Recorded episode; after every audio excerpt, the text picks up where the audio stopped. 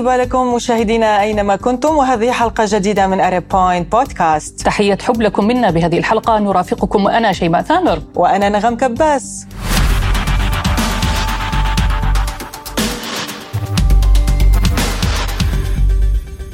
لطالما كانت إدارة الحكومات تخضع للعبة الكراسي بمعنى عندما تتغير الكراسي تتغير السياسات.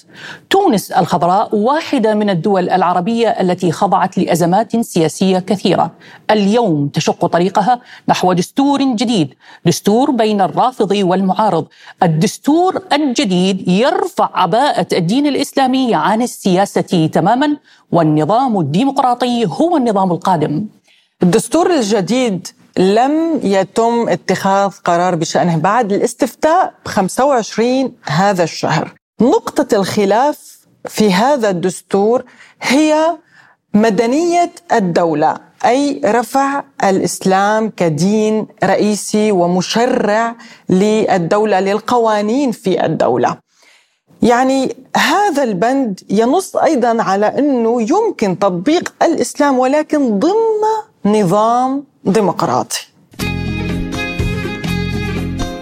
آراء الشارع التونسي اختلفت مثل ما قلت سابقا بين المؤيد والمعارض. مؤيد يرى أن الدين لا حاجة له مع السياسة والحاجة الأساسية توفير حاجات الشعب التونسي. أعتقد أنه المرأة يجب أن تكون حرة من كل القيود ليس الدينية فقط وإنما حتى المجتمعية والثقافية وغيرها. أقول هذا ليس من منطلق الانسلاخ عن الانتماء الديني وإنما لأن البعض وللأسف هم كثر استغلوا الدين للتدخل في المرأة والتقليص من شأنها وفعاليتها في الحياة المهنية وحتى السياسية وفي أنها تكون عنصر بارز وفاعل داخل المجتمع. في تونس مثلا بعض الأحزاب استغل استغلت الدين للاستحواذ على عقول النساء وحتى الرجال آه، ولذلك أعتقد أنه مسألة فصل الدين عن الدولة هي مسألة أكثر من ضرورية ويجب أن لا يقتصر الأمر على القول وإنما يجب أن يقع تقنينها بالدستور أو بالقانون على الأقل. ولكن يا شيماء هناك آراء أخرى ترفض أي تغيير على الدستور خاصة بما يخص الدين الإسلامي. أنا الحقيقة ضد لأني مراش اللي الدين آه، قاعد يحد من الحرية. وإلا قاعد يسيطر بالعكس الدين الإسلامي دين متكامل دين يضمن الحريات يضمن الحقوق يضع كل شخص وكل فرد في المجتمع في مكانه الصحيح. الدين الإسلامي جاء ليحرر المرأة يرفع من قيمتها يرفع من مكانتها في المجتمع ويؤكد على يعني علو مكانتها وتأثيرها الواضح والجلي آه، على المجتمع. يمكن في فترة ما آه، تفهم الدين أو الإسلام على أنه آه، يعني بسبب الاستعمالات الخاطئة أو آه، كما كما التسييس يعني مثلا الأحزاب السياسية الإسلامية الجمعيات المتشددة المتطرفة وغيرها. استعملت الغطاء غطاء الدين باش تمهد خطواتها باش تمهد المشاريعها باش تغطي على استغلالها الاشخاص أو غيرهم باسم الدين.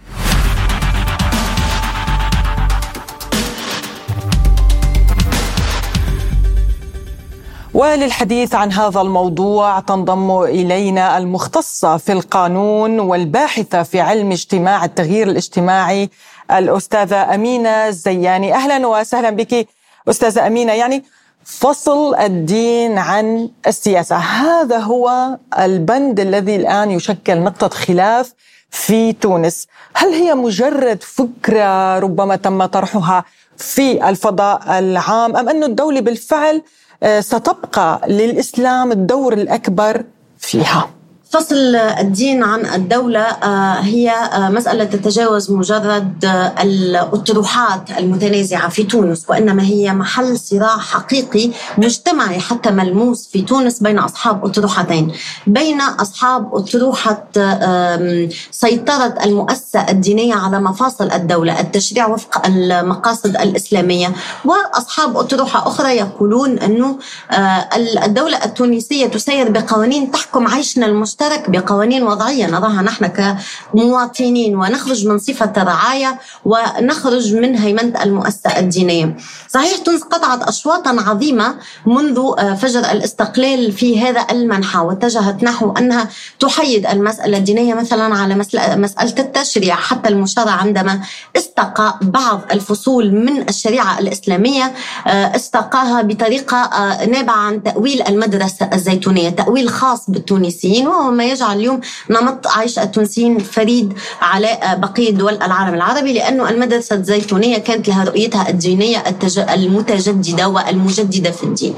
يمكن للدولة أن تلعب حقيقة هذا الدور في رعاية الدين ولكن من منطلق أن تضمن لكل التونسيين حرية المعتقد وحرية ممارستهم لشعائرهم الدينية وتوفر لهم أيضا آه، آه، ما يلزم ليمارسوا هذه القناعات التي يحملونها سواء المتدينين إلى غير المتدينين إلى آه، أصحاب الشرائع المختلفة الموجودين والمتعايشين في تونس دون أن يكون للدولة أي تدخل تداخل مع المسألة الدينية بمعنى أن تغلب القاعدة التشريعية الدينية على القاعدة الوضعية التي نضعها نحن كتونسيين وفق قواعد العيش المشترك.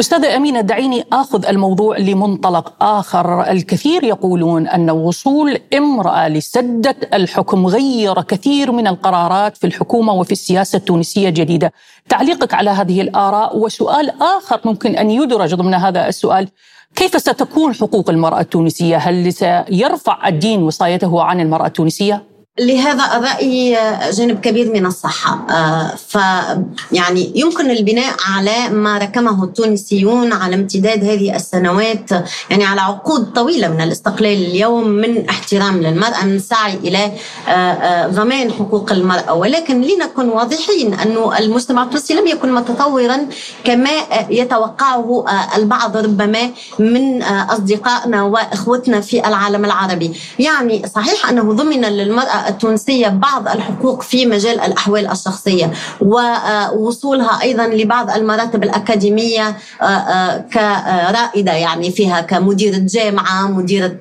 آه، يعني أقسام بحثية وما إلى ذلك. ولكن حتى على مستوى الوزارات على امتداد عقود طويلة ما كانتش المرأة التونسية مثلا في وزارات سيادية. لم تحصل على الوزارات السيادية حقيقة إلا مع قيس سعيد وهذا يحسب له ويحسب له أيضا خطوة إضافية وهي خطوة نجلاء بودن كرئيسة للحكومة. هذا نعم يجعل التونسيين يفكرون ويعيدون الاعتبار حول مدى أهلية المرأة لهذه المراكز القيادية.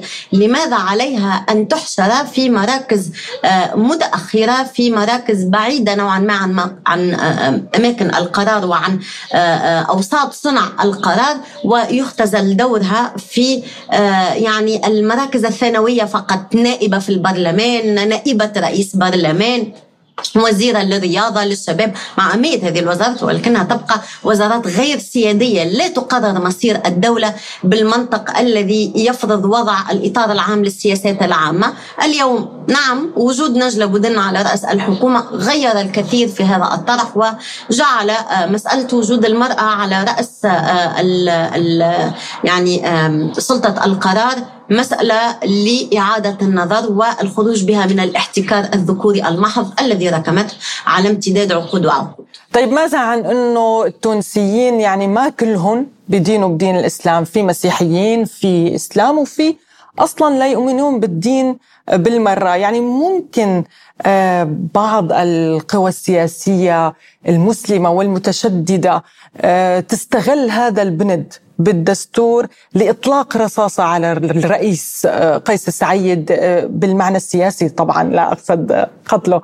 وأيضا على آه، الدستور نفسه على هذا البند. يعني ممكن يصيروا الشعب ضد هذا الموضوع. ما رأيك؟ نعم هذا كان خلال فترة صياغة مسودة الدستور كان حقيقة سند للإسلاميين وغيرهم من المحافظين في الحديث عن أن دستور قيس سعيد الجديدة وهذه المسودة التي أعدها الرئيس هي مسودة تخرج بتونس من العالم الإسلامي وتم الاستناد على إزالة بند أن تونس دولة الإسلام دينها من الفصل الأول الذي اقتصر على أن تونس دولة حرة مستقلة ذات سيادة والعربية لغتها وأزيلت منها يعني الإسلام دينها وهو بند موجود منذ سنة 59 كبند توافقي.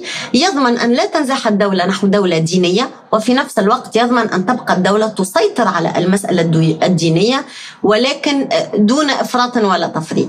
فكان هذا الفصل وهذه الإزالة لتونس دينها الإسلام مسندا لهؤلاء وسندا ومطعنا في مسودة قيس سعيد كمسودة لائكية أخرجت تونس من الأمة الإسلامية. ولكنه تدارك باعتبار أيضا المرجعية المحافظة جدا لرئيس قيس سعيد والتي يتهمه أحيانا البعض بأنه له بعض وشيء من الفكر السلفي. فعاد ليضمن في الفصل الخامس والسادس أن تونس هويتها عربية إسلامية. وأن الدولة تعمل على تجذر تونس في هذه الهوية. ثم أضاف آه، تنصيصا آخر وهو أن الدولة وحدها راعية للدين. وهذا يظهر لي التنصيص الأذكى لأنه يضمن في نفس الوقت أن الدولة ترعى المسألة الدينية تبني المساجد آه، توفر الروضات القرآنية لمن يريد أن يدرس أبنائه القرآن الكريم. تضمن أيضا للمسيحيين حقهم في ممارسة شعائرهم الدينية. تضمن أيضا استمرار حج اليهود للغريبة وتمتعهم بحقوقهم الدينية كاملة. وفي نفس الوقت تمنع على أي أطراف أخرى لأن الدولة وحدها راعية للمسألة الدينية حسب هذا التنصيص في الدستور, في الدستور الجديد وبالتالي لا طرف آخر لا حزب سياسي ولا جمعية ولا أي طرف ممكن أن يخرج للفضاء العام وينظم تظاهرات دينية أو يقحم المسألة الدينية في الشأن السياسي. فكان تنصيصا ذكيا من حيث آه، باب سد الذرائع على الإسلاميين من حديث أنه هذا دستور علماني. وفي نفس الوقت آه، تحتكر الدولة ضمان الحريات والحقوق الدينية وحدها دون سواها. أستاذة أمينة سؤالي الأخير لكم. هل تعتقدين أن المجتمع التونسي سيتقبل فكرة أن ترفع وصاية الدين من المرأة خاصة المجتمع؟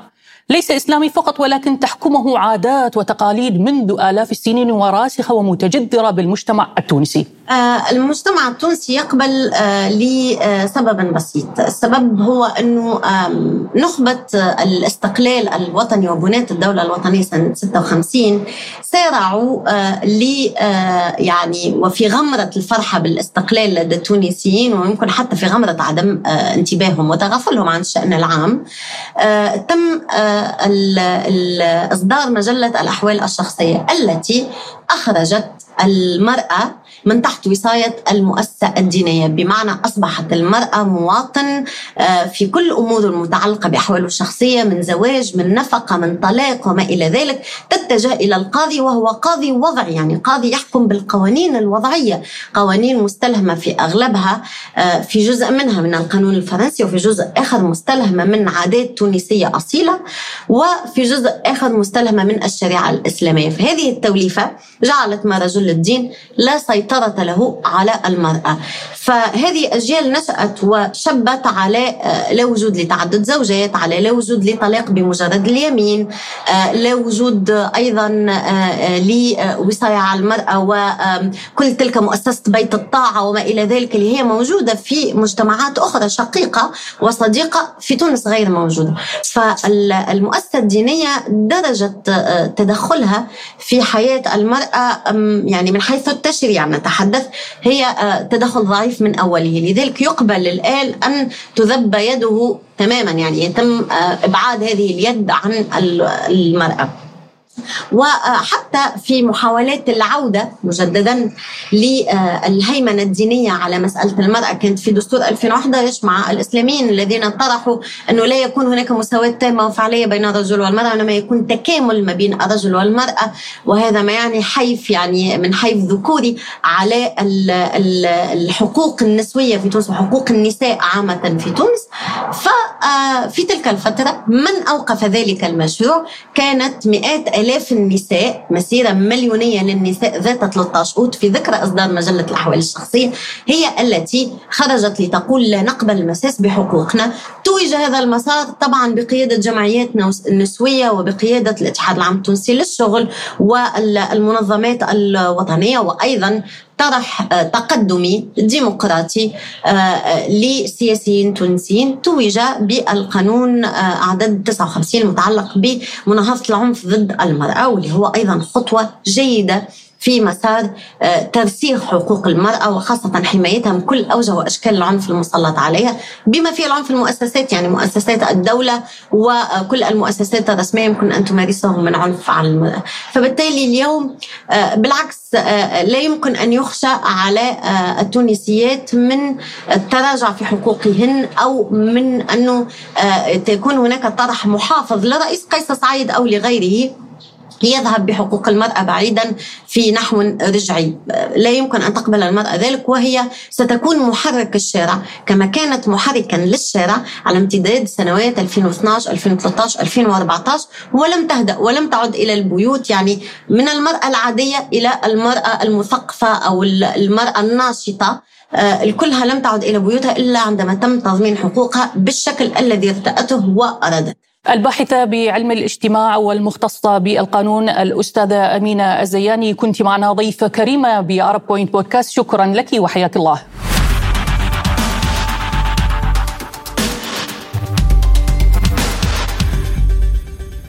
طيب يا شيماء يقال بأنه في كتير دول قبل تونس عربية خطط نحو هذه الخطوة ولكن فشلت. يعني في دول حاولت تكون هي مدنية بالمجمل.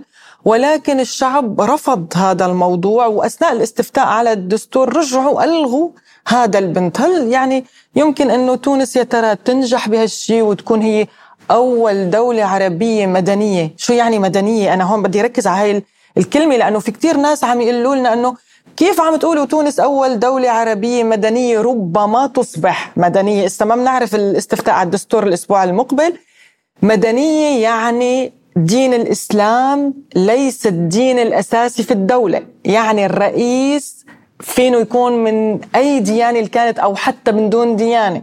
هذا هو يعني مدنية وإنه الشرائع الشريعة الإسلامية لا تتحكم بالقوانين، أي دولة بتكون آه، قوانينها مرتبطة بالشريعة الإسلامية هي خلاص ما بقى مدنية. ما فينا نعتبرها دولة مدنية. بالفعل يا نغم التجارب هي أساس كل شيء. مسودة جديدة تنتظر وفيها تعديلات كثيرة خاصة لو ننتبه أنه المادة 60 بهذه المسودة الجديدة لا تتحدث عن صلاحيات الرئيس مساءلته لا تتحدث عن المحكمة الاتحادية ومن سيكون صاحب السلطة عليها. هناك كثير من علامات الاستفهام على المسودة الجديدة. ننتظر الإجابة على هذه المسودة حالما يصوت عليها ويستفتي عليها الشعب التونسي يوم 25 يوليو ويقرر كلمته الأخيرة. نعم طبعا نحن نتمنى كل الخير للشعب التونسي وبالنهاية برأيي لازم الشعوب تقرر مصيرها لازم الشعوب تختار القوانين اللي بتشوف هي أفضل لها ودساتير الوطن العربي بحاجة لتعديلات إن كان يعني إذا ما كان في تغيير جذري فهو بحاجة لتعديلات خاصة بما يخص المرأة الفتوى بشؤون المرأة يعني ليش مثلا رجل الدين لازم يتدخل بأدق تفاصيل المرأة العربية ليش؟ ليش هي ما عندها عقل؟ هي استاتهم بينظروا لها أنها ناقصة عقل ودين مثلا؟ فما بعرف يعني يا شيماء هذا الموضوع أنا برأيي بده إعادة النظر بكل الدول العربية ليس فقط في تونس ربما تونس هي السباقة. بالفعل يا نغم لفتتني تغريدة على مواقع التواصل الاجتماعي. التغريدة تتحدث عن أنه نحن مسلمون. طبعا هذا شخص تونسي. يقول نحن مسلمون صلاة نصلي جامع ونذهب صيام نصوم. عيد وعيدنا عيد ثاني وعيدنا وحج وحجينا. نحن نحتاج إلى خدمات. غيروا دساتيركم لتخدموا الشعوب. تحية مني للي عمر واللي علق تونس فعليه تحية مني للي ربى واللي كبر وأملنا فيه. تحية مني للي حب بلاده ومش طالب ثمن للي دافع روحه وعمره يموت ويعيش نتمنى أن نكون قد قدمنا محتوى مفيد في هذه الحلقة. تابعونا دائما على فيسبوك بودكاست ويوتيوب دمتم في أمان الله وحفظه. كنا معكم أنا نغم كباس. وأنا شيماء ثامر. إلى اللقاء. إلى اللقاء.